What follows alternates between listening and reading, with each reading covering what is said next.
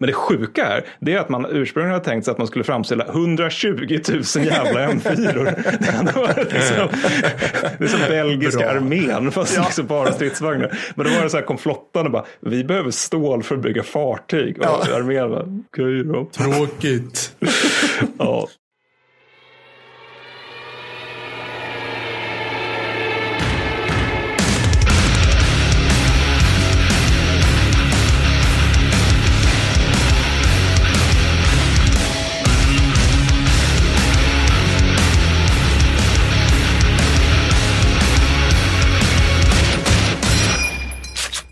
auch Achtung Panzer, kära lyssnare, och välkommen till ännu ett generellt avsnitt, höll jag på att säga. Ännu ett öppet avsnitt utav Kickstory-podden. Eh, Ja. Mattis, vad menar vi med det? Öppna och stängda avsnitt. Varför sa jag så för? Vi menar med det att eh, det finns ju två kategorier poddare. Eh, det ena, första kategorin är de som skapar en Patreon och sen gör färre saker för att de stänger Ja. hälften av sina an- eh, avsnitt bakom en betalvägg. Och så finns Ja. det de, den här lite ädlare, mer förfinade former av poddar som är som Krigshistoriepodden då. Som har, vi fortsätter göra lika många öppna avsnitt, det vill säga två, två i månaden, en, en varannan vecka. Men så har vi ett extra avsnitt också varje månad som går upp till, ut till alla patroner eller Patreons på 10 euro och uppåt. Ja, precis. Och om du är det och lyssnar på det här så tack! Är du inte Ja. det, eh, bli det. För det är värt grejer kan man säga. Ja, Det kommer hända massa bra. Vi, alltså det här avsnittet har jag väntat på svin länge och eh, genom min hälsningsfras så kanske jag kan gissa vad det kommer handla om. Vi ska äntligen prata pansar, Mattis. Mm, ja det, det är alltid läskigt, men nu, nu sker det här. Det, det, Nu nu, sker nu, det. det, det, nu kommer få pansar-Twitter på oss igen. Jag, jag är så Ja. jävla nervös inför det här. Jag, jag, jag kommer säga fel på komman och sånt där. Så att det, jag, jag älskar det. Vad var det vi sa? Det var det pansar Twitter och eh, det var någonting annat som är så här att vi kan, vi kan mer än de flesta, du och jag. När det är typ pansar, andra världskriget och sådär. Men de som kan mer än oss, de kan så inåt helvete mycket mer. alltså de ja, kan jo, liksom... men alltså, jo, men de, de börjar alltid bråka om så här, liksom, ground pressure och liknande och hur man Ja. klär sig i det. Och jag sitter där och bara, "Ja, absolut. Jag, jag är mer intresserad av att han har en pang. Och, eh, Ja. Som jag brukar säga. Och det tycker jag Ja. är häftigt. Det tycker jag är intressant. Alltså, jag, jag tror jag ska vara lite transparent som jag brukar vara också. Jag, jag har vabbat hela veckan. Mm. Bindgalen två och ett halvt åring. Så att jag är lite Lite sådär, eh, som de av er som har barn, det som ni säkert minns från när ni var föräldralediga länge, att man blir liksom lite slö i huvudet. Jag har nämnt det här tidigare, men, men jag är lite slö i huvudet nu. Så jag ber om Ja. ursäkt för det redan här och nu. Alltså för allt jag säger och tänker i den här podden egentligen. Alla fel du kommer ha eh, när Ja, du säger och- liksom och- fel millimeter och så här. Ja. På ett, som ett exempel på det, det här är liksom mitt enda intryck från den här veckan. Det är att på mina sociala medier så har det dykt upp något sånt här liksom eh, Game of Thrones 10 year anniversary tror jag det är. Åh herregud, vad gammal jag känner mig nu. Ja, Ja, men också det, det jag tyckte var så intressant med det var liksom hur otroligt länge sedan det var jag någonsin tänkte på Game of Thrones. ja sant. För man Faktiskt slutade också. typ göra det efter att säsong åtta lämnade en del att önska. Eh, det var liksom så att det, det var liksom den mest hypade tv-serien i världshistorien som Ja. slutade med en ofantlig pyspunk. Alltså jag tycker inte det var Ja. lika dåligt som många andra, men, men det var fortfarande det att det var en jättedel av populärkulturen. Och sen så var det bara, har inte tänkt på det Ja. sen dess i grund och botten. Nej, det stämmer faktiskt. Du, har du några shoutouts? Mm, jag har en. Eh, jag, jag skulle kunna ta fler, men jag har en för att jag tycker den är lite lattjo. Uh, det är till Fredrik Mårtensson, som också är en av våra patroner. Och eh, det, det kan jag naturligtvis få en generell shoutout för, men det är inte det som är grejen här, utan det är nämligen så att jag är ju den uh, hjälte, tappre man, som håller vårt. Instagramkonto.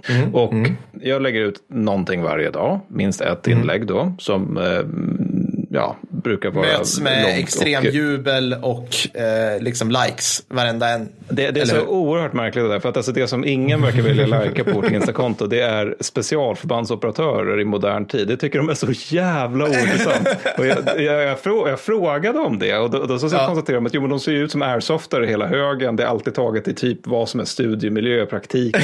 Ja, de ser likadana ut. Det är liksom för många Ja. tillsatser på vapnen, för många tillsatser i musklerna, för mycket velcro. Alltså, det är inte så spännande. Men däremot Nej. när jag lägger ut österrikisk-ungerska stosstruppen, det Ja, blir jag en like-raket av Guds nåde. Vilket känns väldigt i linje med den här podden.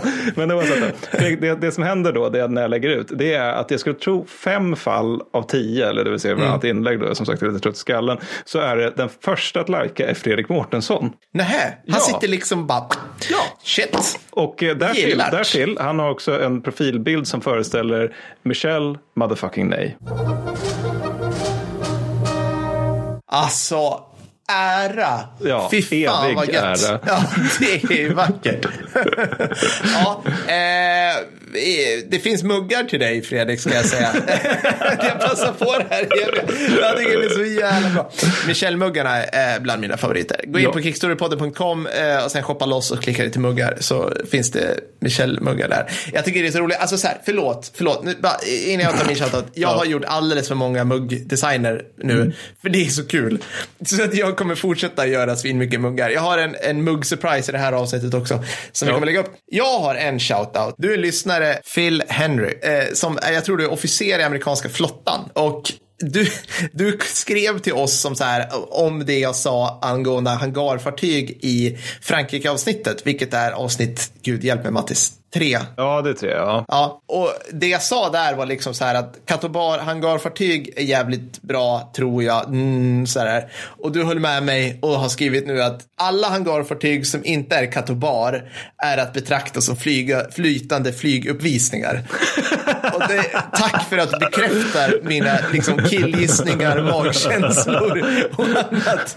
Vilket är så jävla, det är så jävla gött. Och jag håller med dig. Det är, och för er som inte har någon aning om vad Katobar är, ni lyssna, lyssna på avsnitt tre. Nej, jag skojar. bara. Det är när man eh, använder katapult för att kasta upp flygplan och vajer för att fånga in dem. Så ska jag säga. Det är också ett väldigt bra exempel på det där med, med torr officershumor. Ja, jag, tycker det är så jävla bra.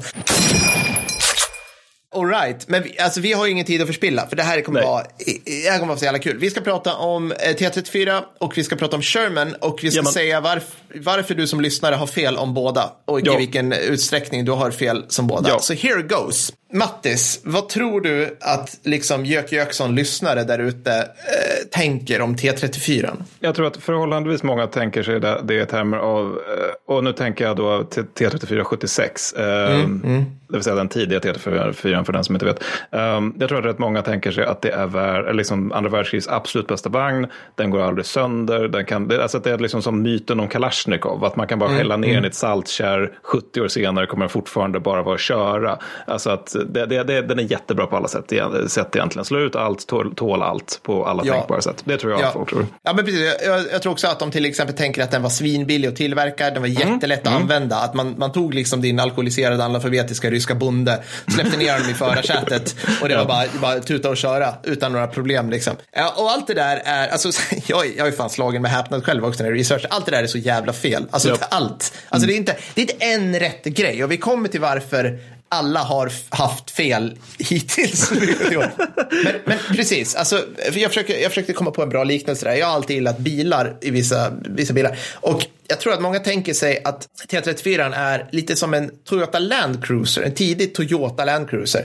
Toyota gjorde liksom, eh, gör väl i viss utsträckning enkla bilar men som är väldigt stryktåliga. Alltså en Land Cruiser klarar av allt, en Hilux klarar av allt. Släpp dem från höghus, ja ni vet, kolla på Top Gear så får ni.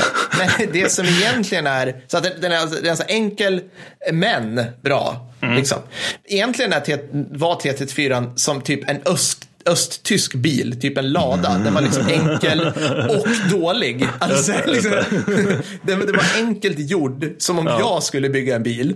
Och därför är den lika dålig som om jag skulle bygga en bil. Och, om- inte annat så, så, så är det alltid lite svårt att förena den här bilden av att T3476 är så sanslöst bra med den sanslösa mängden eh, stridsvagnsförluster under andra världskriget Ja. som röda armén drabbas av. Ja, precis. Jag, jag tror det är 96 500. Men det, ja, alltså stridsvagnar och, och stormkanonbandvagnar. Då. Men, men, Ja. men, och det är jättemånga. Det är jätte, jättemånga. jättemånga. Tyskarna och amerikanerna förlorade inte så många. Nej. 96 000. Det är alltså det är fler än vad jänkarna förlorade stupade i, i Vietnamkriget. Nej. Ja, i Vietnam, ja, ja, ja, ja, i Vietnamkriget Ja. är det nästan dubbelt så mycket. Där är det 58 000 stupade. Eller döda. Och sen så har de Ja. ja. typ 48 000 som stupar. Alltså resten dör ju av så här skador och olyckor och meningslösa sjukdomar av olika slag. Ja, just det. Nej, jag, bara, så här, jag försökte sätta det i något perspektiv. Att förlora stridsvagnar Ja. i Ja, mer än man förlorar folk. Nej, jag, jag vet inte. Det, det är faktiskt ett väl, väldigt bra perspektiv. det, får man tänka på liksom en amerikansk armé som bara består av stridsvagnar som Ja. bränns ut konsekvent i olika eldöverfall i Goshen, Vietnam. Ja, men precis. Medan tyska stridsvagnar, och jag, ska jag är inte här för att snacka upp tyska stridsvagnar, men där tror jag att du Mattis som får klä skott nu då för att vara den, Mm, den, ja. o, den okun, ack så okunnige eh, Simplistico till min Sokrates här. Ja, ja, du absolut. tror att tyska stridsvagnar är typ så här som franska eller brittiska bilar. Mm. Komplicerade och därför dåliga. Mm. Kanske. Eh, och därför då, alltså dåliga, svåra att reparera. Snarare är de föga förvånande som tyska bilar, det vill säga att de är komplicerade. De är, kan vara svåra att reparera, men de är bra. Alltså de är rätt, Ja, ja, de är rätt bra. Liksom. Ja, men de är bra som individer om inte annat. Alltså det, det med den stora svagheten med många tyska vagnar är att de byggs i väldigt liten upplaga i grund och botten. Men, men liksom om man tar, jag kommer att prata lite om den, om man tar Panther till exempel, den, den gör de ju ändå 6000 av och den är liksom bra på individbasis också. Ja, precis. Så T34 är, alltså den är dålig. Jag ska försöka gå igenom för att vi, vi, vissa saker är ju kända liksom. Man, man tror att när man tänker sig liksom ryska stridsvagnsbesättningar, jag tror många för sig liksom det är den ädla vilden. Alltså den trots, ja men, det- men det är lite så här, okej, ja, det var kärvt, men de var så hårda så att det liksom, det Ja. gick ändå på något vis. Ja. medan tyskarna satt där i all sin teknologiska lyx och kunde liksom trycka på en knapp i 4 och det bara small där. Du, du, du. Nej, det var inte så. För att, för att det finns liksom inget sätt att komma över, alltså utbildning, erfarenhet i stridsvagnsbesättningar. Sådana här saker är svinviktiga. Mjuka värden i en stridsvagn är asviktiga. Jag ska försöka komma till mjuka värden innan det här blir för komplicerat. Kända rövigheter i T34 sen tidigare. tidigare eh, ingen radio. Nej. Man hade en fyrmansbesättning. Det betyder att vagnchefen, han som ska säga vart de ska åka och bestämma allting annat, han var skytt. Och det är dåligt. Det här vet man om. Eh, sen Jag, brukar- jag menar, ja. för det, det innebär ju liksom att han, måste i praktiken göra två jobb samtidigt. Brukar det Ja. någonsin bli bra? Nej. Han är dessutom kille, han kan med andra ord bara tänka på en sak i sänder. enligt- Ja, det, Ja, det, där, det där var bara sexistiskt sagt. Men, eh, men, Ja, alltså jag vet inte hur de tänkte, men den är, så, T34 är också svinliten, så det kanske finns en där. Men senare vagnarna, tre- eh, 44 där, då bytte de så att då hade de faktiskt en, eh, en vagnchef, en skytt en laddare. Vi, vi kanske kommer till det också då. Men, säger du som lyssnar på det här, tänkte men Per, det fanns ju revolutionerande, revolutionerande saker inom, inom citationstecken.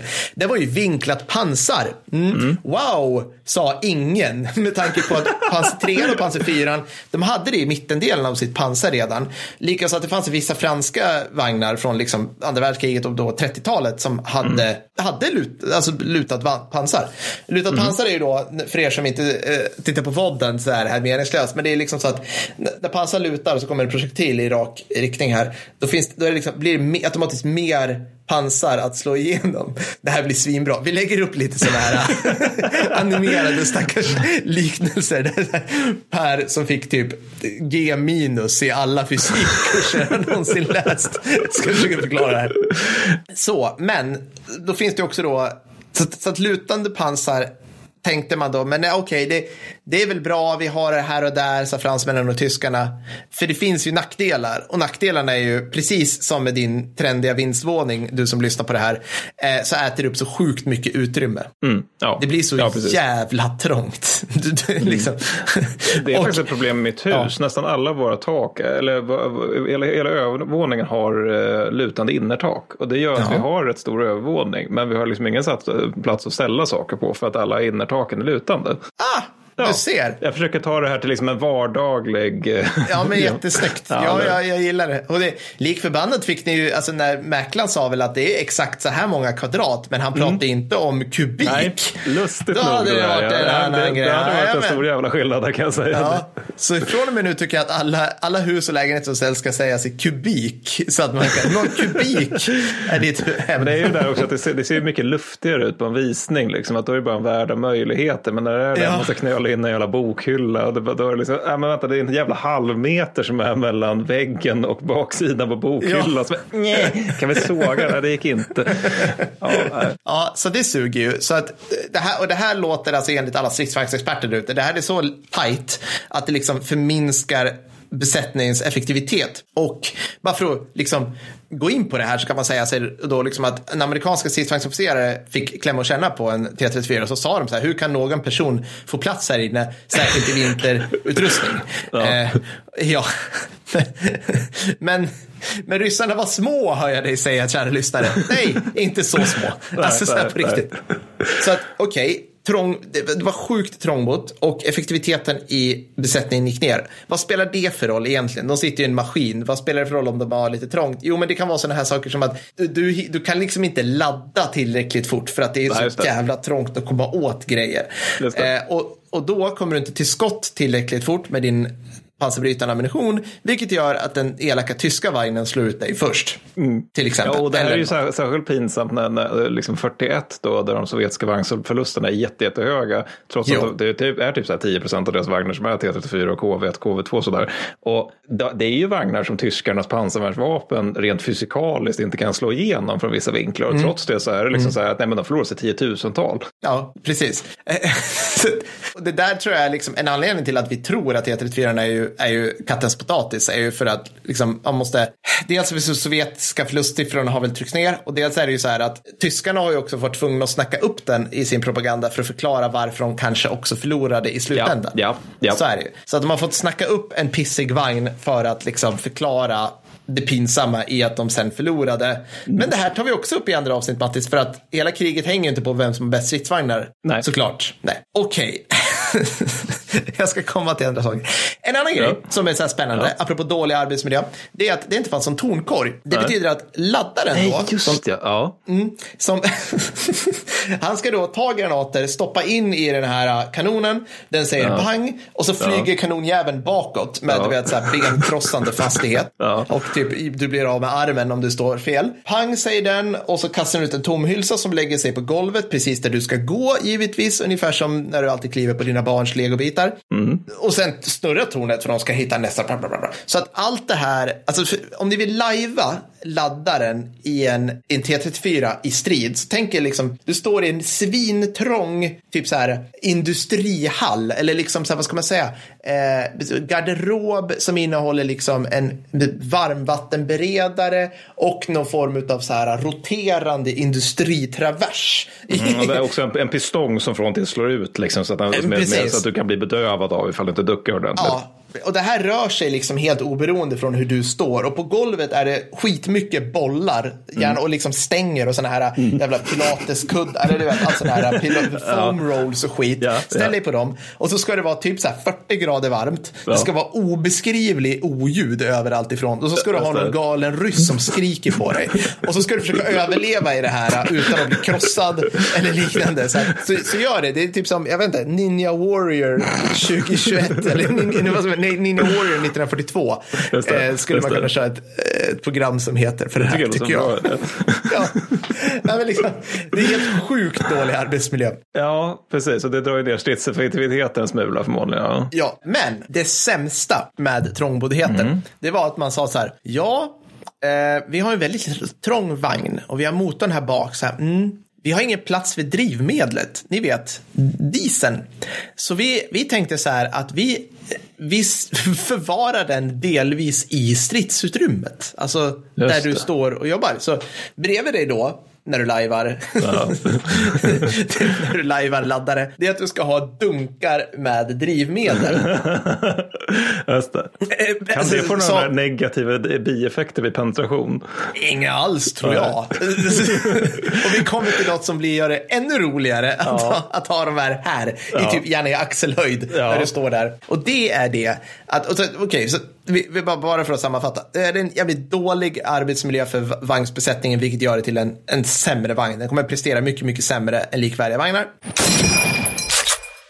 Apropå sovjetiskt pansar. Mm nu blir det, nu, nu ta fram penna och papper. För det finns något som heter Brinell. Brinell är en skala där man liksom går in och eh, ra, liksom rankar eller säger hur hårt pansar är. Vi ska mm. försöka länka till det här på något vis. Mm. Ja, precis. Så att, och då kan man tycka så här, mm, okej, okay, hårt pansar, det är bra pansar. Men så är det inte riktigt. eh, Sherman som du pratar om sen Mattis hade mjukare pansar. Mm. Och hårt pansar är då att det kan vara bra mot att stå emot träffar. Men det kan också vara så, eller det gör så, att det blir så att säga spalling på insidan vid en träff. Just det, för det, det blir bräckligt ja. Alltså det blir hårt men bräckligt. Exakt, hårt men bräckligt. det, där, det, där, det där är ett, ett, ett problem som sena tyska vagnar har, alltså när de är på hösten 44, våren Mm. 45, att de, har- de har brist på legeringar och sånt där. Så att de har fortfarande Mm. hårt pansar, men det blir bräckligt, vilket gör att det blir sprickor i skiten vid, vid träff i femmanauter. Just det, precis. Exakt. Och det som händer då vid det här bräckliga pansaret, det är att du står då som laddare eller vagnsbesättning överhuvudtaget och det träffar då en granat från den här undermåliga tyska pansar, pansarvärnspjäserna som då inte ska gå igenom. Nej. Och ni, ni skrattar på ryska i typ så här 0,02 nanosekunder över den här fjantiga pack 20 eller något. Ja. Men problemet är att det spålar på insidan, vilket gör att pansaret liksom på insidan skjuter ifrån sig splitter, glödhett splitter in i stridsutrymmet. Ja, det är suboptimalt. Vilket är dåligt för din mjuka, din mjuka stridsvagnssoldatskropp. Ja. Och vilket är dåligt när det träffar drivmedlet. Som det. förvaras då bredvid dig. Just det, ja. Jag, jag- ser nackdelar med det här. Jag är vissa Alltså, tydliga. Det är så dåligt. Alltså man blir helt, alltså man blir så matt över det här. Så, att det här Alltså, gör bara att... förlåt att jag avbryter, Ja, men, men, men jag bara tänker att det enda, det enda försvaret för sånt här, det är på något sätt att man inte vet så mycket om kri- stridsvagnskrigföring faktiskt under andra världskriget. Att alla håller på att testa sig fram med liksom, vad är det som funkar. För att under första Mm. världskriget är det ju inte pansar mot pansar. Och under typ spanska inbördeskriget som ofta ses som andra världskrigets övningsfält. Då är det ju pansar i form av sovjetiska vagnar mot fiender som har tanketter. Och det räknas ju inte riktigt. Så att jag menar, Nej. det är väl typ egentligen enda försvaret för den här typen av saker som känns idag. Som att det här känns som en ganska tydlig design flaw. För, Precis. för att jag menar, ja. Ja, men exakt. Men, men T34 är ju fantastisk för att den har allt fel. Alltså nej, den har två bra grejer, vi kan komma till det också. Så att det här är en jättetrist miljö och det här gör att vid nästan varje, alltså de, den slås ut. Alltså blir det en träff så slås nästan alltid vagnen ut. Och slås den ut med tanke, eller liksom pene- penetreras eller liksom någon effekt på besättningen, då blir det en totalförstörd vagn för att den, den drabbas ju av eld. Och Ja, när den drabbas ja. av eld då blir den totalförstörd. Men Per, hör jag er säga, den hade ändå en 7,6. Vilket Mm. är liksom, hallå, jag har tittat på dokumentärer på Discovery Channel och då ser man tydligt att typ så att tyskarna åkte in med en 5 cm pangare på sina stridsvagnar, pansar 3. Och liksom eh, kommunisterna möter dem med en 7,6 eh, sju- sju- jo, 7,6 cm pangare. Svinbra. Den Mm. Ja. måste ju, det är liksom överväga allting, kan ju slå ut Ja. den, det hör man ju. 5, det är mindre än 7,6. Det är Ja. eh, sant och fint och bra. Om det inte Ja. var det så här att utgångshastigheten på de ryska pjäserna är skitdålig. Ja, det var ju tråkigt. Och- Okej, och nu blir återigen Per ska förklara fysiska, fysiska begrepp här. Men utgångshastigheten är helt enkelt att ju högre utgångshastighet desto mer pansar kan den slå i där borta. För att den Mm. rör sig snabbare. Man kan säga sådana här saker som att typ den första eh, 7,6 då rörde sig 612 meter per sekund. Det låter fort, men då ska vi ha, då ska vi ha i åtanke då att tyskarnas 5 centimeter rörde sig i eh, 685 meter per sekund. Så det är en skillnad. Speciellt när man tittar på faktiskt vad, vad de har för genomslag. Det kan också bero på att tyskarna hade bättre ammunition. Och då tänker ni så här, ja men okej Per, men sen satte de på en, eh, en bättre kanon. De satte på en bättre pangare och då var det problemet löst. Och jo, absolut, men i samma veva så satte tyskarna på bättre pangare på sina. Och också tjockare pansar på sina. Ja, så att det är liksom, alltså tyskarna vinner den här, det är en kapplöpning som tyskarna håller liksom, ja, de they're keeping the edge. Och sen när det väl typ så här 8,8 börjar dyka upp på Tiger, då, då kan liksom ryssarna gå hem och lägga sig i princip. Alltså då är det, ja, de får inte fram, ja, men de får inte fram sådana där på sina förrän liksom sista, alltså sista krigstiden. Jag kommer inte ihåg, om det är Josef Stalin-vagnarna som har någon sån här, hund, alltså någon har ju så här vansinnig 100 eller 10 centimeters va? 12 tror jag. 12 till och med. Mm. Men där har de å andra sidan problemet med att granaterna är så pass jävla stora och tunga så de väger liksom så här 30-40 kilo per granat. Så du får bara plats med typ 25-26 stycken i en IS-2. Ja, där har vi det också. Ja, du, du kan liksom inte skjuta så mycket. Jag får mig att där, det var någon tigerbataljon på östfronten 44 som, som noterade att det krävdes ungefär 20 skott på liksom långa stridsavstånd för att slå ut en fiendevagn. Så om ja. du har 25, jag minns inte om det var 25 eller 26, jag tror det är 26. Då, ja. då har du ju liksom inte ammunition för att slå ut en annan mer än en vagn i så fall ifall det Nej. stämmer även för deras lite grövre kaliber. Då. Precis. Och, och det där, alltså, ska vi ta det på en gång Mattis? Eller är det så här årtusendets stickspår? Vi kan klippa bort det här. Får ni höra det här är det bara en bonus. Men en grej som ni ska ha i åtanke när vi pratar om allt sånt här, det är att stridsvagn mot stridsvagnsstrider är ett, inte det stridsvagnar vill, Nej. oftast. Två, ovanliga under andra världskriget. Yep. Ja, jag kommer komma in lite grann på det, men absolut, det är ja. ganska ovanligt. Det, men, och det är just det med att de inte vill, det känns ju på något sätt lite rimligt att om man sitter i en pansrad stålbäst med en mm. stor kanon och minst liksom en eller två kulsprutor eller eldkastare på den, då är ju liksom det givna målet, det är ju folk som inte kan försvara sig på ett rimligt sätt mot det här. Ja, det är ja. ju liksom, det är då man härjar loss. Medan däremot om man träffar en annan stålbäst med samma eller bättre beväpning, då blir det ju mm. lite mer av en slantsingling vem som vinner. Precis, så då, kan man, då kanske ni frågar sig, ja, men vilka skulle ha ihjäl stridsvagnar då? Jo, pansarvärnsvapen. Ni vet de yep. som var utbildade och tränade för det här. Som, som typ maskerad eh, pjäs med grov kaliber som kan slå ut de här stålbästarna på långt håll. Det var liksom, mm. det, var så här, det var det man ville åt. Man ville ha minor och man ville ha i värsta fall liksom typ Panzerfaust och sådana här saker som öppnade tyska vagnar som en konservburkar liksom mot slutet. Ja, eller amerikanska vagnar så här. Ja, precis. Sa jag tyska? Ja, förlåt. Vi kommer blanda ihop alla här över tiden. Eh, Okej. Övrig okänd som du inte känner till kanske, jag vet inte hur så lätt med T34. Sikten från vagnen var skitdålig. Alltså så här, alltså, på alla sätt som sikt kan vara dålig. Jag vet inte hur jag ska mm. förklara. Mm. Alltså så ett siktesblock för föraren kanske. Som ja. var igengrummat så man inte såg. Ja. ja. Optiken. ja. Optiken. Ni vet, alltså så här, om du, du sitter alltså, som skytt så har du ett litet sugrör du tittar ut hela tiden. Och mm. det sugröret är jävligt viktigt. För att vagnchefen hade inget eget sikte på T34. Det känns som en nackdel tycker jag. Lite nackdel. Och jag kan säga så här, min erfarenhet av typ så här stridsfordon 90, stridsvagn 122, det är att vagnchefen har sitt eget sikte. För då kan man sikta, ja, ja. liksom, ja, det här säger sig själv. Vagnchefen kan vara chef. Han kan, ja, mm, mm. Exakt. Eh, men det hade man inte på T34. Och då kan du tänka dig om att det är sådana här saker som optik.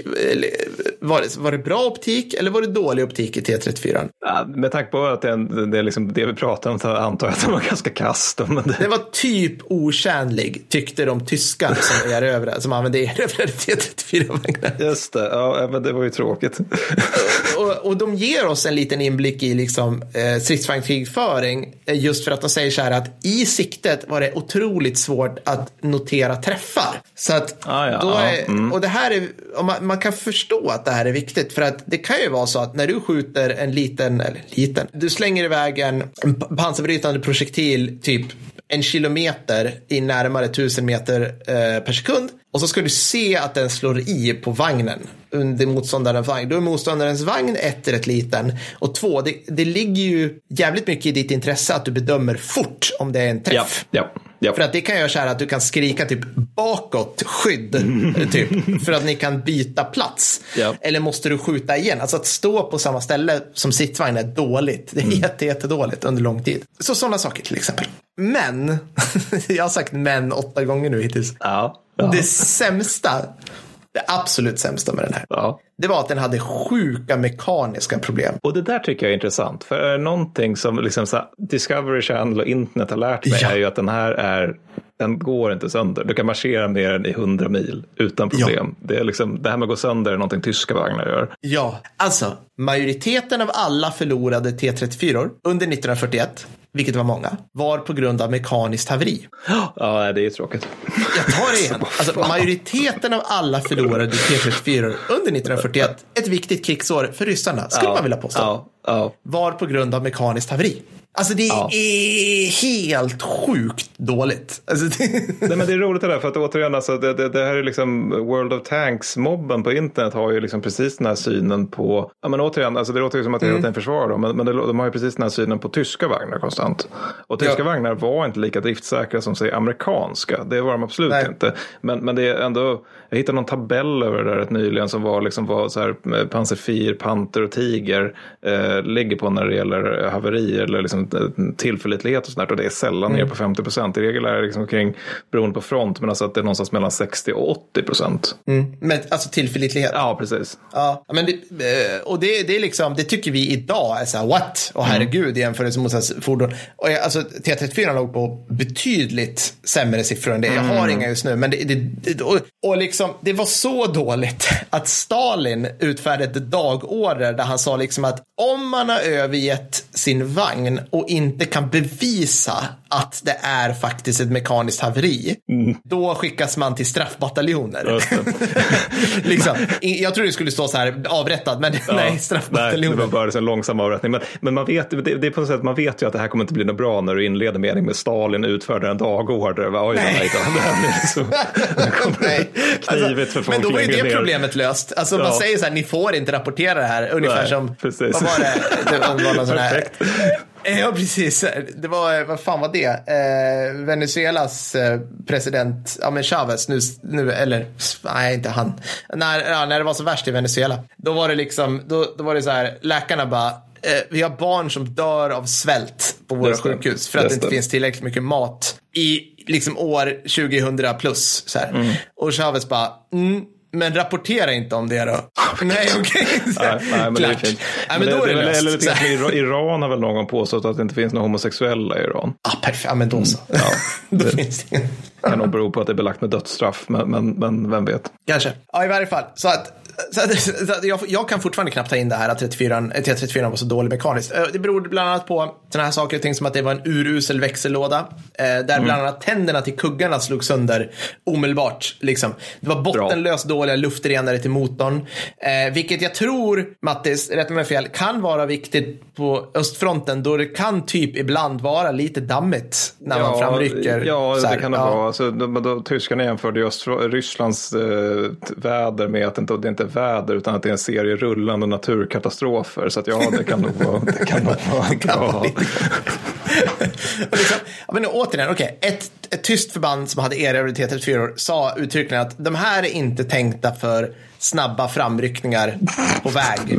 Alltså snabb, snabba pratar vi typ så här 20 km i timmen på väg. Ja. Överhuvudtaget, typ någonsin. Nej. På grund av dålig växellåda, överrättad motor. Alltså så här, och, och då var det så här, snitttiden innan man måste byta motorn för att den har helt havererat. Alltså inte så här, det, det är Mm. för sent för luftrenare man. Det är för sent. Alltså du kan ha bytt varenda, du kan ha bytt luftrenare en gång i timmen, spelar ingen roll. Du kan ha hållit på liksom varit världens bästa eh, liksom, växelförare, alltså skitduktig med kopplingar och allt så här. Spelar ingen roll. Snitttiden var 100 timmar innan du måste byta motor. Oh jävlar! Inte dagar, timmar. Just det. Timmar. Det är, det är Alltså- ändå det är ganska lite ändå. Jag Det är så jävla fan som, dåligt. Men vadå, Ja. vänta, nu, nu är jag som sagt trött här, men 100 timmar, om man då kör 100 kilometer i timmen, Ja, nej, men vad blir det? Så man, man kan köra 100 mil? Nej, ja.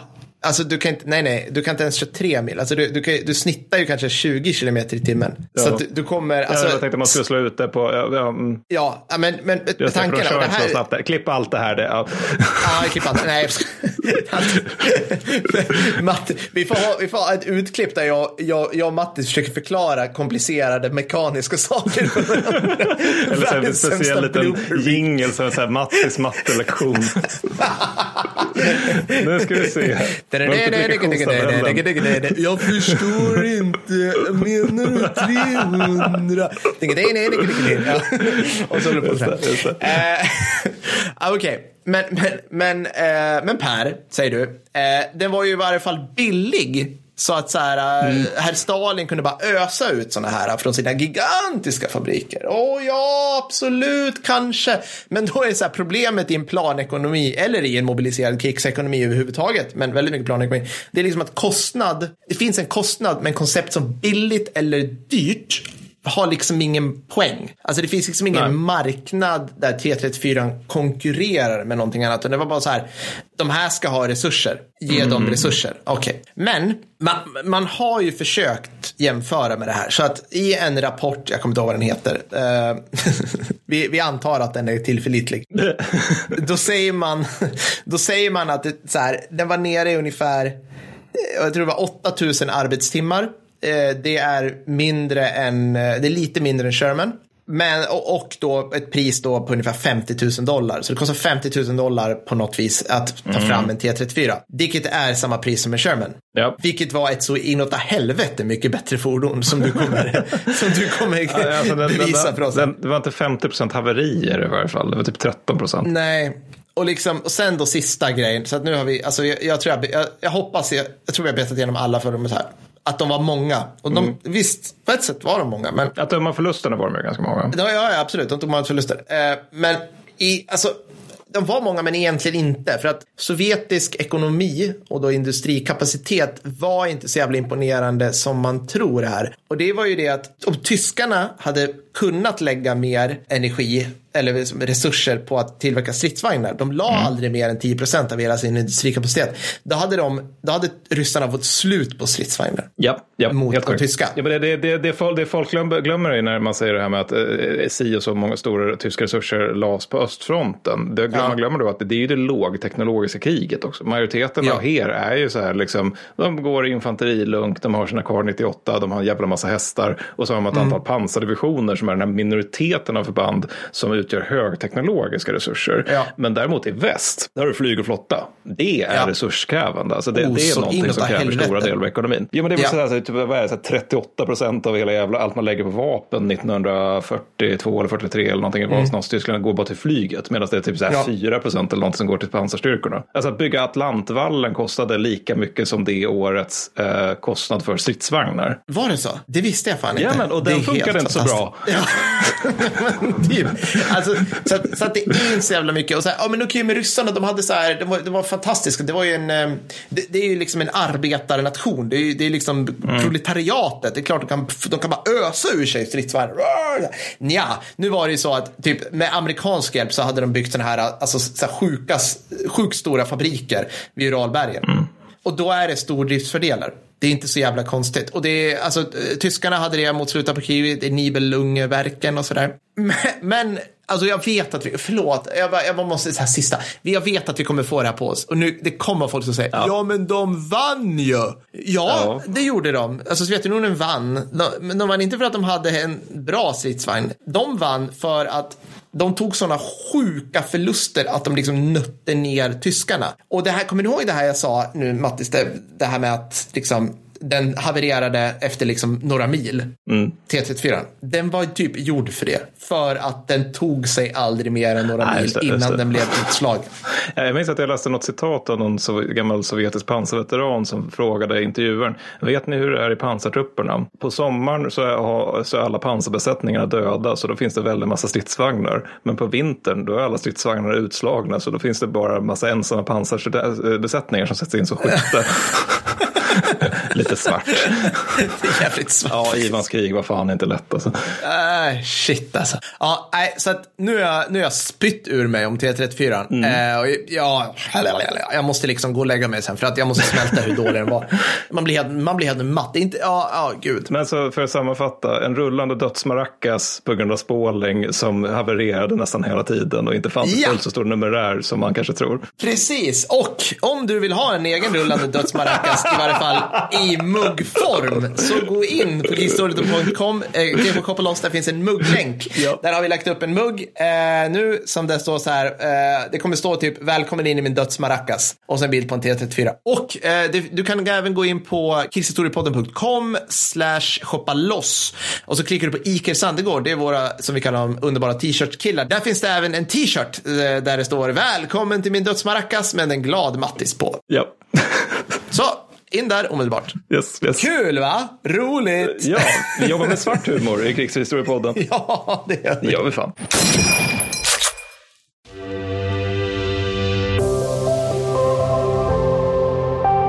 Vad vad passar bättre att erbjuda i samband med detta avsnitt än något riktigt dieseldoftande härke på bandaggregat? Ja, ni hörde rätt. Vi har nämligen spårat upp Erik von Mansteins ättling på svensk sida, Gösta Manstein, som otroligt passande nog skruvar ihop nyzeeländska Bob Semple-tanks just nu i sitt garage utanför Vårgårda. Du gör så här, dra ihop åtta polare så kan ni ägna en dag åt att svettas och sväras på en otroligt liten yta i den kanske sämsta stridsvagnen, inom parentes, under andra världskriget. Du håller väl på att mäcka ihop din egen nu va Mattis, eller hur? Jajamän. Som ni hör, missa inte denna pansarfest.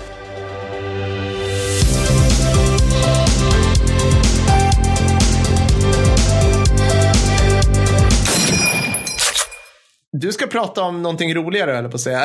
uh, jag ska alltså, det här blir typ amerikansk industrihistoria och jag ska dra igenom det här på typ 20 minuter eller någonting, men det blir nog bra. Ja, jag ska prata om det som kallas för M4 Medium Tank, uh, det som ofta kallas för Sherman och jag vill minnas att det är så att britterna tyckte att de amerikanska pansarnamnen var för jävla tråkiga med så här M4 Medium Tank, M, M3 ja. Light Tank och sådär. Så att de döpte om dem efter uh, amerikanska inbördeskriget. Usch! Generaler. Så det blev liksom Grant, Lee. Fick lite, ja, när du nämnde amerikanska inbördeskriget, förlåt. Ja, nej, men det okay, blev. Grant, Lee, Sherman och så vidare då. Så ja. att Sherman, det säger vi här efter när jag inte säger M4. Och när jag, jag minns när jag var, liksom började intressera mig för krigshistoria så var det på något sätt som att det alla visste om M4 det var liksom att eh, Sherman förintades av lättare kastvindar och ja. hela besättningen dödades. Det, det var så ja. det fungerade på grund av eviga vagnsbränder överallt. Och, och det här stämmer inte riktigt. Alltså, grejen är att jag kommer inte påstå att M4 var lika bra som du just påstod att T3476 var dålig. Nej. Men jag skulle nog ändå säga att den bilden är mer nyanserad än vad jag tror att många tror. Och den har också, det, det här är en bra sak med internet, den har också nyanserats de senaste åren via dels The Shiften och dels Steven Saloga. Även om det är helt egentligen onödigt för att det fanns redan en bok som hette M4 Medium Tank av en karl som heter Honeycutt. Men den kostar han sedan 2500 spänn på Amazon så att det är kanske inte så många som läst den, jag vet inte. Äger du den Mattis? Uh, jag har tummat den. Men, ja, okay, ja. för det mesta utgår jag faktiskt från eh, Saloga om man ska vara helt transparent. Ja. Men oavsett då. M4 Medium Tank började tillverkas i februari 1942 då. Och eh, M4 har ett svetsats pansar och M4A1 har ett gjutet chassi. Och det, jag, tänker, jag kan inte liksom hålla på för mycket med sånt här skit, men jag bara tycker jag tar upp det. Det men, det, finns en lite rolig grej, det är att man, man höll på med bultar i riktigt tidiga stridsvagnar. Ja. Och Just problemet med det, är att om du får en träff på en bult, då blir det liksom att den här bulten flyger in i stridsvagnen och sen ah. så blir det ingen bra ah. besättning. Så man slutade Nej. med det. Man slutade mm. med Man började med svets och gjutning istället. Och den har dieselmotorer fram till M4A3 som istället köper bensin. Mm. Det kommer vi också komma till.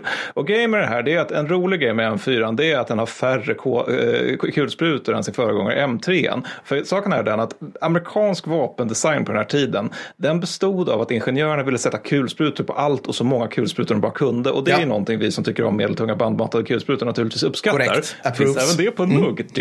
Men det var fall, det är att, men problemet är, det är att du behöver ju typ en till besättningsman per per KS-beskytt i ja, vagnen. Ja. Så att, att man drog ner antalet kulsprutor eh, det gör att M4 har en besättning på fem istället för sju som, som M3. Och ja. M3 kallas av Röda armén för sju, vad fan var det? Eh, likkista för sju bröder. Oh. Eh, för att den hade vissa problem den också. och vägledaren för väldigt mycket av stridsvagnsutvecklingen i USA det är chefen för Army Ground Forces. Det är en viss generallöjtnant Leslie McNair. Har du mm -hmm. om honom? Alltså jag känner igen namnet men jag säger nej faktiskt. Så att, eh...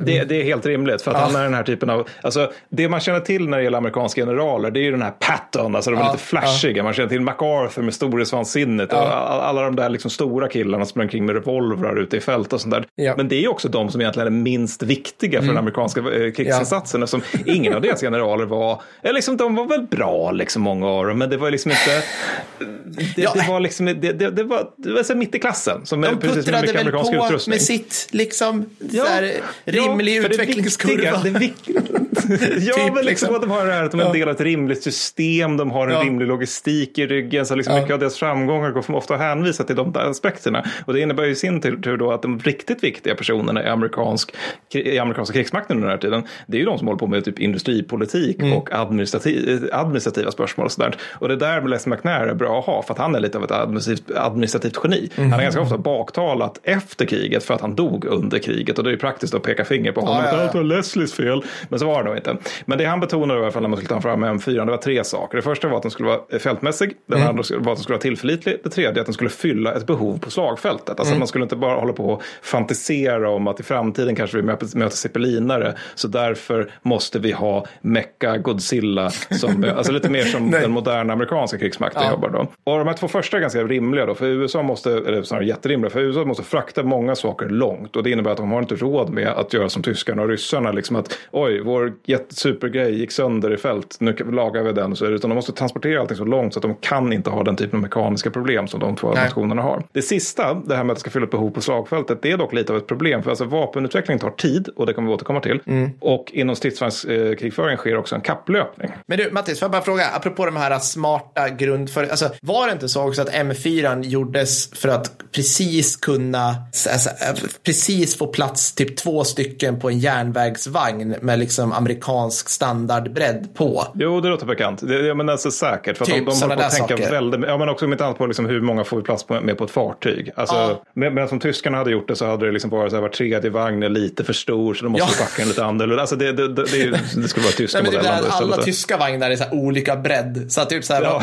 när tigern ska fraktas till tåg så måste ja. man ta fram egna godsvagnar som är specialgjorda. Ja, men de hade ah. egna ramper också som ja. Var specialformade för tigern. Nej, men de hade faktiskt det. De hade det, men, men, men, nej, men säkert något sånt också. Just när det gäller produktionen, när det gäller M4, det är i sig inte imponerande. För man har då Detroits stridsvagnsarsenal som mm. man bara trycker på on och erbjuder mm. den här kapacitet och liksom spyr 750 stridsvagnar i månaden. Vilket är ganska imponerande för de har mer än sådana. Ja. Och totalt då så gör man, har du någon koll på hur många jävla M4 de gjorde? Alltså hur många som helst. ja, det är en bra jävla gissning. Ja. De gjorde 49 234 Jävlar. stycken. Det är så jävla många M4. Det är så sjukt många. Då har vi det så återigen, Panter, 6 000, jättebra. Ja, det är det. Det är jättemånga Panter för det är en bra enskild vagn. Men alltså de måste ju ha haft, liksom, hur många sattes in i strid? En bråkdel. Alltså de måste ju ha haft så jävla många bara på väg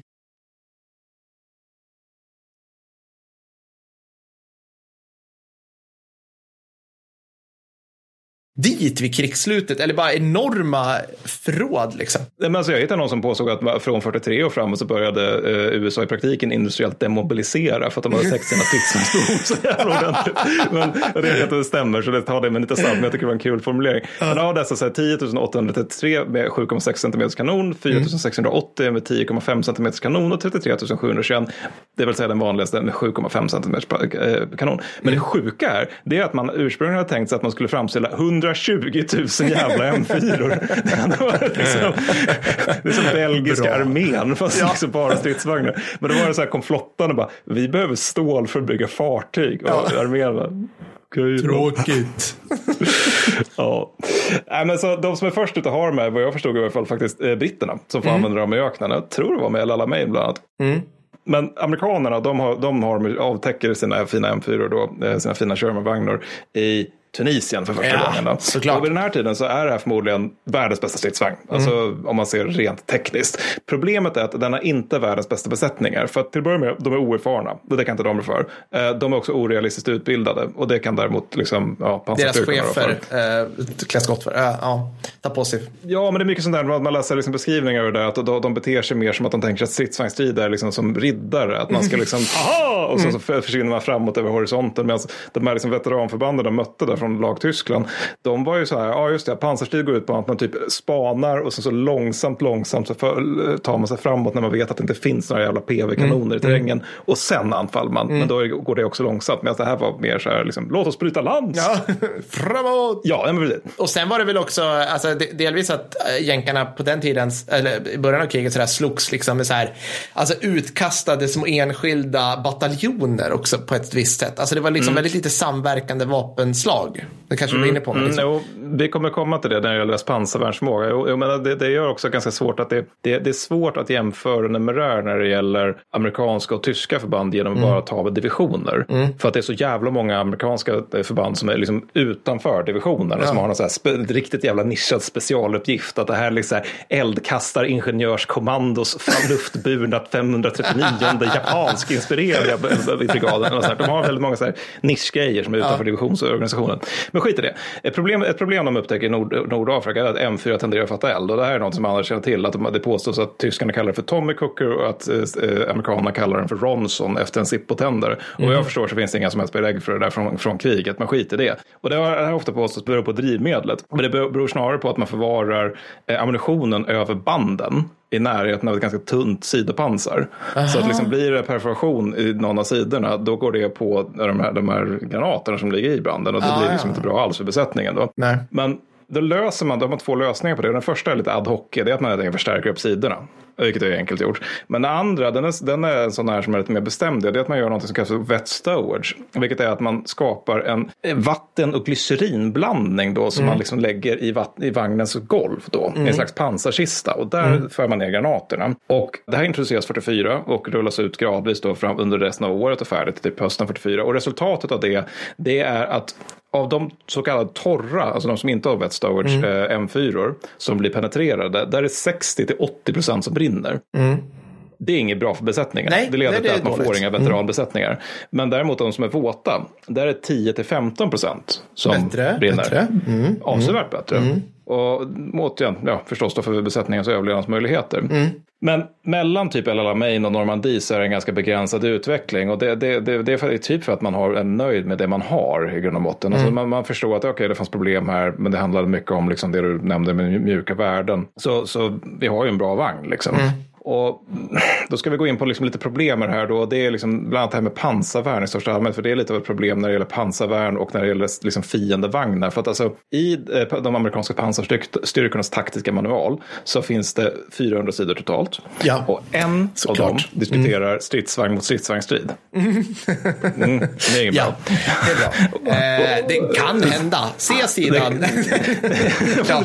ja, men, nej, men det är för att jag, jag, tror det här mycket har att göra med det, det som du själv nämnde här. Alltså att man, en stridsvagn vill ju inte möta en annan stridsvagn. Och då nej. tänker man, nej men då så, då ska vi ha separata pansarvärnsbataljoner som har M10-vagnar då. Mm. Eh, och de här M10, det blev så stor besvikelse att man drog ner eh, på dem så pass mycket att en tredjedel av alla pansarvärnsbataljoner som sätts in i, i Normandie, de har dragna PV-pjäser istället för M10. Så man har liksom demotoriserat den amerikanska hären med det här laget. Men, men grejen är då, alltså, det, jag är ute efter är att de här pansarvärnsvagnarna, de är liksom separat från, från stridsvagnsstyrkorna. Ja, ja, då. Och så ska de sättas in liksom, när man vet vart fienden är någonstans. Ja. Eftersom man är medveten om att den här lilla 7,5 kanske inte alltid är perfekta pansardräparen. Men det är ju också ett sätt att verkligen försöka planera ett krig som är helt omöjligt. För att det kommer, man kan liksom, ja, du förstår själv vad som är problemet. Men hela den där debatten det, kring pansarvärnets för och nackdelar, det distraherar från en liten, liten grej. Vet du vad mm. det är? Eh, nej, kan inte komma på. vad tyskarna håller på med. Ja, vad fienden vill. Ja, ja, just, just det. det. Så klassiker de? i, i Har de någon form av så här, liksom, plantskola på östfronten i vad som är stridsvagnskrigföring? Ja, det har de kanske. Så man, man påträffar faktiskt tigrar i, på, dels i Tunisien, jag tror också även på Sicilien. Och det här ser man som en ren kuriositet. Det här ser man som bara, ja, okej, men det här var någon sån här grotesk vagn de har byggt fem mm. av. Liksom, det ingenting att oroa Det funkar ju knappt. Nej. Och det man gör då, det är att man missar alltså, från amerikanskt håll helt att tyskarna uppgraderat sin pansartjocklek. Och man missar mm. dessutom att, man, att tyskarna delar ut pansarcheck, pansarfast och panter innan Normandie. Mm. Och det här är ju då för att man inte påträffar dem i stor skala. Nej. Så att man vet inte att man, eller man, man träffar några stycken i Italien men man förstår inte riktigt varför man ska oroa sig för. För återigen så missuppfattar man just pantern. Man, mm. man tror, förstår inte att det här det tänker sig tyskarna som sin nya arbetshäst. Mm. Så det man gör är att man gör sig lite olika förbättringar på sikten och eldkraft och sådär. Och jag tänkte det, alltså det pantern är det, det ja. tyskarna har gjort det är att uppfinna den första main battle tank som är Panther. Ja, typ. Som är bra rörlighet, bra skydd och bra eldkraft ja. i princip. Ja, liksom. ja, ja, det blev så. det, det, är tråkigt då när man inte själv har en sån. Då.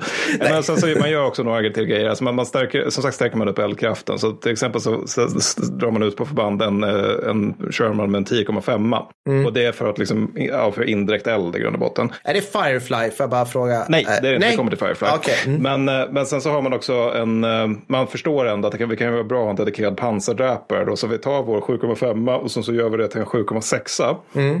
Det wow. visar sig kunna... Eh, ja. Mm. ja, Ja, blir bättre. Om, om den, om den, det, återigen, det, det här gör, vet man ju inte när de här kommer ut på förband. Men, men alltså, om den möter en tysk katt, då kan den penetrera frontalt på 100-400 meters avstånd. Och det är som att slåss i en telefonkiosk Mm. med, i stridsvagnsstrid. Så man, man, man vill inte göra det. Nej. Och även det här, liksom, när man började, alltså, för det här är något som är bra med amerikanerna. De möter ett problem i form av katter. Så liksom, jag tror det är under sommaren 44 då som man bara, oj shit, det här var ingen bra idé. Eh, det här var jobbigt att de kom med så här tunga vagnar då. Då börjar man ge eh, 7,6-vagnarna eh, HVAP-granater. Men de här är ganska sällsynta för att, eh, de, de, för, och de kan alltså slå igenom eh, en, en katt även frontalt. Men de är sällsynta på grund av att de har en Wolframkärna. Ja. Och det innebär då att eh, de konkurrerar med industrin om allmänt handlar Wolfram och Ja, vinner ja. Mm. nästan alltid industrin. Så att det är så här, februari 45 så är det så här att man har väl så här fått ut en, fem HVAP-granater per 7,6 vagn i hela amerikanska eh, hären sedan Okej. hösten 44. Så de finns inte egentligen. Nej. Men här kommer jag till Firefly då. Håller jag på, håller på att somna här? Nej då, nej då, det är lugnt. Ja, Kör. bra. Nu, känner, nu är det någonting jag känner Ja, igen. Nu. Ja. Ja, men nu kommer Firefly. men de, de har nämligen en 76,2 centimeters pjäs och de är en lång jävel dessutom. Jaha. Och den är fullt, fullt kapabel att ta sig an en, en tysk katt på 500-700 meters avstånd. Då. Mm. Men här är ju nästa problem, det är att den här är ju, det är britterna som gör det. De har inte samma industrikapacitet som amerikanerna. Nej. Så att av den här så gör man inte mer än 2000 under hela kriget. Det finns ganska få av den i Normandie, jag tror bara några hundra. Och det gör liksom att när någon gång är ute på nätet och tycker, ser någon som skriver Firefly, den var så jävla grym, den kunde slå ut en kungstiger. jo, men den fanns inte strategiskt. Alltså den är Nej. mer ovanlig än vad panter är. Det finns tre gånger så många pantrar totalt som det finns Firefly. Så det, det, Det var så. Sagt.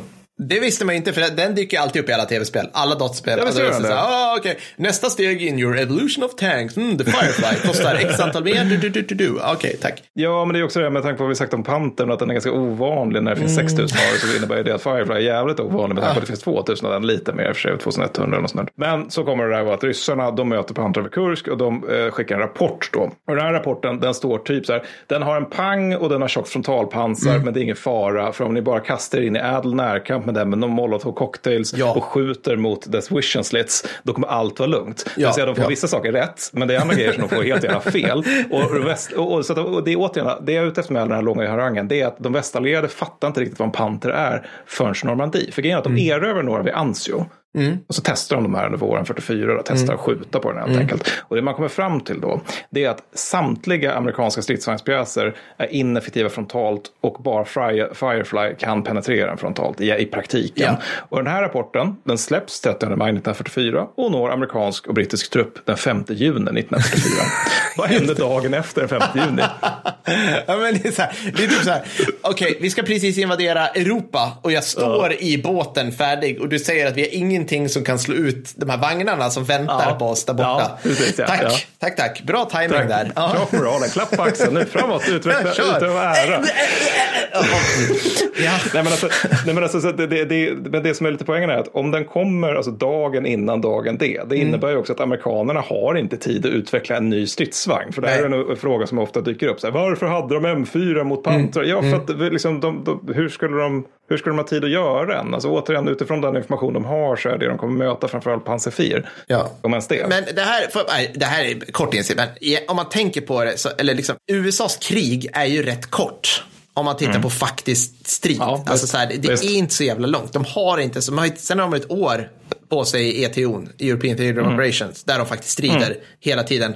Och sen är kriget slut. Så att det är Ja, liksom, ja, det var bara ett instick. Men eh, mm, när man tänker på det liksom. Ja, nej, men, nej, men det, är, en god poäng. Alltså, det, det, de, de får ju utgå rätt mycket från, för, alltså, till rätt stor del, så här, förkrigstida designer och liknande som de sen för, försöker förfina på olika sätt. Men när jänkarna i alla fall kommer i land så har de lite röta, för det visar sig att sju av nio pansardivisioner från lag Tyskland i Normandie, de är mot britterna. Och det var ju Ja. skönt för då slipper amerikanerna hantera det. Ja, men då så. så att britterna har ännu mycket, mycket sämre stridsvagnar än både tyskarna och amerikanerna i den mått de inte har Sherman-vagnar. Matilda! Ja, ja, men- ja, amerikanerna de får försöka fixa tyska stridsvagnar framförallt genom artilleri och flyg egentligen, eller genom isolering. Alltså att man, man isolerar dem och sen får de få slut på soppa. Liksom. Och sen så, sen så är man nöjd med det snarare än att man har regler. Det är liksom, man, man försöker inte, inte på Kursk eller Prokhorovka i Normandie och det är nog smart idé. Och då, det här, nu kommer den stora sifferexercisen för att här här har jag hittat så många uppgifter så jag blir helt tokig, men utslaget är 44 till 45 så förlorar då tyskarna enligt historikern Richard Anderson någonstans mellan 3200 och 4000 stridsvagnar och doktrinärt snarlika fordon. Men det menar han liksom de olika alltså pansarvärnskanonvagnarna. Det är mitt favorituttryck, doktrinärt snarlika. Det ska jag använda över tid från och med nu. Ja, ja, ja. Nej, men sen så har vi då amerikanerna och, och britterna har förlorat 10 500 stridsvagnar mm. under samma tid. Okay. Det var 7000 M4. Så det, det, är en ordentlig omgång på M4 då. Och dock ska tilläggas också att det bara, per M4 är i snitt bara en besättningsman som dödas under den här tiden. Vilket mycket har att göra med den här wet stowage som jag pratade mm, om tidigare. Och det innebär att besättningarna kan lära sig. Ja. de har många så här utrymningsluckor och liknande. Så, de faktiskt ja. kan ta, så det innebär liksom att oj jävlar, där förlorade vi en M4. Ja, men då går vi bak här till depån där det mm. står liksom hundratals som bara står och väntar på oss. uh, det är lugnt. Men, men det, det, det, är intressant. Är det, är det, stöter vi på det första som faktiskt är historiskt korrekt i filmen Fury? Att det är en veteranbesättning. Ja, typ, alltså, ja. det enda ja, i filmen ja, Fury. Ja, jag till den bara... tiden i kriget så, så, är de absolut veteraner. Alltså, de har goda överlevnadsmöjligheter. Det är ja. givet att de har wet stowage återigen. Ja. Men av de här vagnsförlusterna så är det 2405 som drabbar de västallierade i juni till augusti 44. Och då har vi då tyskarna. De tappar enligt Steven Saloga, jag är faktiskt lite osäker på var han fick den här uppgiften från, under samma period 830 vagnar, mm, så markant mm. färre. Mm. Men sen kommer det här med att amerikanerna och britterna bryter sig ur Normandie. Mm. Och helt plötsligt blir det här rörliga kriget, liksom, att nu jävlar, nu tar vi mm. terräng snabbt. Mm. Och då har vi det här med att M4 är en driftsäker vagn, att den kan marschera, marschera, marschera utan att den går sönder. Medan Panther då däremot, den, den är en uh, inte lika driftsäker vagn och det innebär liksom att uh, enligt Salog återigen, jag får faktiskt inte riktigt det här, de här siffrorna går ihop med Richard Andersons uppskattning av förlorade vagnar, men det kan vara att de helt enkelt uppskattar olika saker. Men skitsamma, enligt Saloga förlorar de då alltså 1770 vagnar, tyskarna, eh, under september blir det då, månad. Mm. Mm. Mot betydligt färre amerikanska och brittiska förluster. Det här har att göra med att alltså, de tyska vagnarna går ju sönder i väldigt stor omfattning ja. när de retirerar. Och det innebär att jänkarna tar helt enkelt verkstäder. Där det står en massa liksom, skadade vagnar. Så, och de är naturligtvis totalförluster då för tyskarna. Och som sagt, det finns hur många jävla uppgifter om uh, numerär på det här som helst. Så att jag ska inte uh, ta mycket av det med skopa salt. Men det som är poängen någonstans att det här är liksom M4ans tillförlitlighet. Den är nära nog krigsvinnande. Och sen har den också, just när det gäller tillförlitlighet, ett antal fördelar mot Panter. Alltså, den är mer tillförlitlig, vilket är bra. Över post Operation Cobra och marschen mot Ren. Den är dessutom talrik. Som sagt, det finns över 49 000 av den här skiten. Och det gör att det finns tillräckligt många för att ge ett infanteriunderstöd stöd. Mm. Och på Stadender-offensiven så finns det 5000 jävla M4 i Västeuropa medan det finns 500 pantrar i samma område. Och då är mm. pantern återigen per individbasis är den bättre. Mm. Men inte tio gånger bättre än en jävla pan- äh, M4. Och med tiden så är det där också att besättningarna som sagt de blir ju veteraner, de lär sig. Och då finns det ett ganska fiat exempel på det som heter slaget vid Ararcourt som är september 44 där amerikanska M4 möter framförallt pantrar och de massakrerar pantrarna. Det är liksom bara en fullkomlig walkover-serie. Och det här har dels att göra med terrängen och dimman, vilket gör att pantrarna inte kan utnyttja sin överlägsna eh, effektiva verkanseld. Nej. Men det har också att göra med att tyskarna kommer med gröna besättningar, medan amerikanerna på det här laget har hunnit lära sig. Såklart. Mm. Och sen så slutligen också värt att notera är ju att M4 är ju säga vad man vill genom att jämföra, jämförelse mot amerikan, eller, eh, tyska vagnar. Mm. Men den är ju överlägsen de här italienska och japanska lådbilarna som de håller på att knattra runt med. Plus att den går liksom att använda över hela världen. Ja, ja, visst. alltså att pant, eh, du kan ha en M4 i Burma, det har de. I liksom så här kärr och mangroveträsk. Ja. Men Panther däremot, den är absolut bäst på östfronten. Där det är så stora bra ja. landskap, den bara kan så, stå med sin 7,5 bara boom, boom, boom, boom. Ja, Nej, men så till den här frågan som vi har tagit upp mm. tidigare. Mm. Där är stridsvagn mot stridsvagnsstrid så pass vanligt? Och då är frågan, ja kanske inte. Alltså i 14 procent av alla strider som, som M4 sattes in i så mötte den andra stridsvagnar. Mm. I 16 procent var det infanteri och i 39 procent var det befästningar. Mm. Och för de förhållandena så fungerar det absolut med en M4. Alltså då är det mm. liksom okej, okay, du är infanterist, du möter en stridsvagn. Det är jobbet oavsett om du har pansarfaust eller inte. Och Därtill så är det att panter och tiger och särskilt tiger 2 de är så pass ovanliga att det, det, är, liksom, det är inte så vanligt att en, en M4-besättning möter någon av dem. Det som är Nej. troligt är snarare att om de, det, det, är så här, det är ovanligt att de ens möter en annan stridsvagn och om de gör det så är det troligt att de möter en pansarfir till exempel. Mm. Och med mm. den kan den mäta sig. Och samtidigt då så slås i och för sig då de här M4 till 50 procent ut av det de kallar för eld, alltså gunfire. Och det är ju då alltså andra stridsvagnar, pansarvärn och artilleri. Och det får inte riktigt de där siffrorna gå ihop men de kommer från samma rapport så det, det, finns säkert en bra förklaring till det. Mm. Uh, och för förklaringen till de här höga vagnsförlusterna bland amerikanerna och britterna, det kan också vara att tyskarna ofta inte försvarar sig. Alltså det finns en efterkrigsstudie som pekar på att ett avgörande för, för seger i stridsvagn mot stridsvagnsstrid, det är vem som skjuter först. Ja, och att anfallaren, liksom efter att försvararna börjar skjuta, förlorar fyra gånger fler stridsvagnar.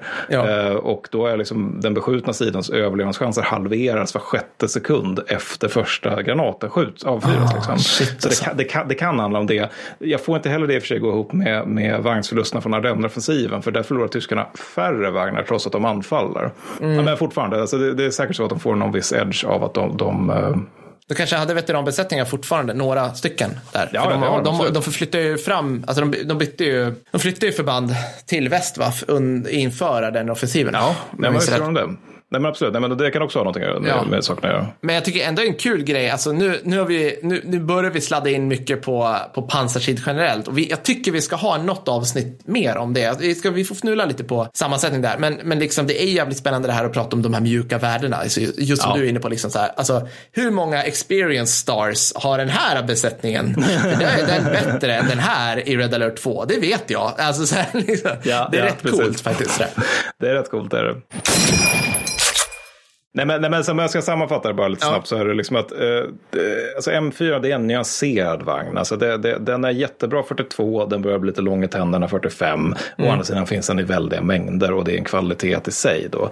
Eh, pansardueller som sagt de är överreklamerade och ovanliga och förmodligen är liksom inte krigsavgörande hur många eh, vagnar ens fina monstervagn som man har fem av bränner ut utan snarare hur många vagnar man kan ha i fält. För att ja. om det första skulle gälla skulle Ferdinand Elefant vara helt jävla fantastiska, ja. vilket de inte var. Och eh, det här då gör ju på något sätt att man måste, man måste, man måste dra slutsatsen att M4 var liksom inte krigets bästa vagn, det var inte krigets sämsta vagn, den var good enough. Mm.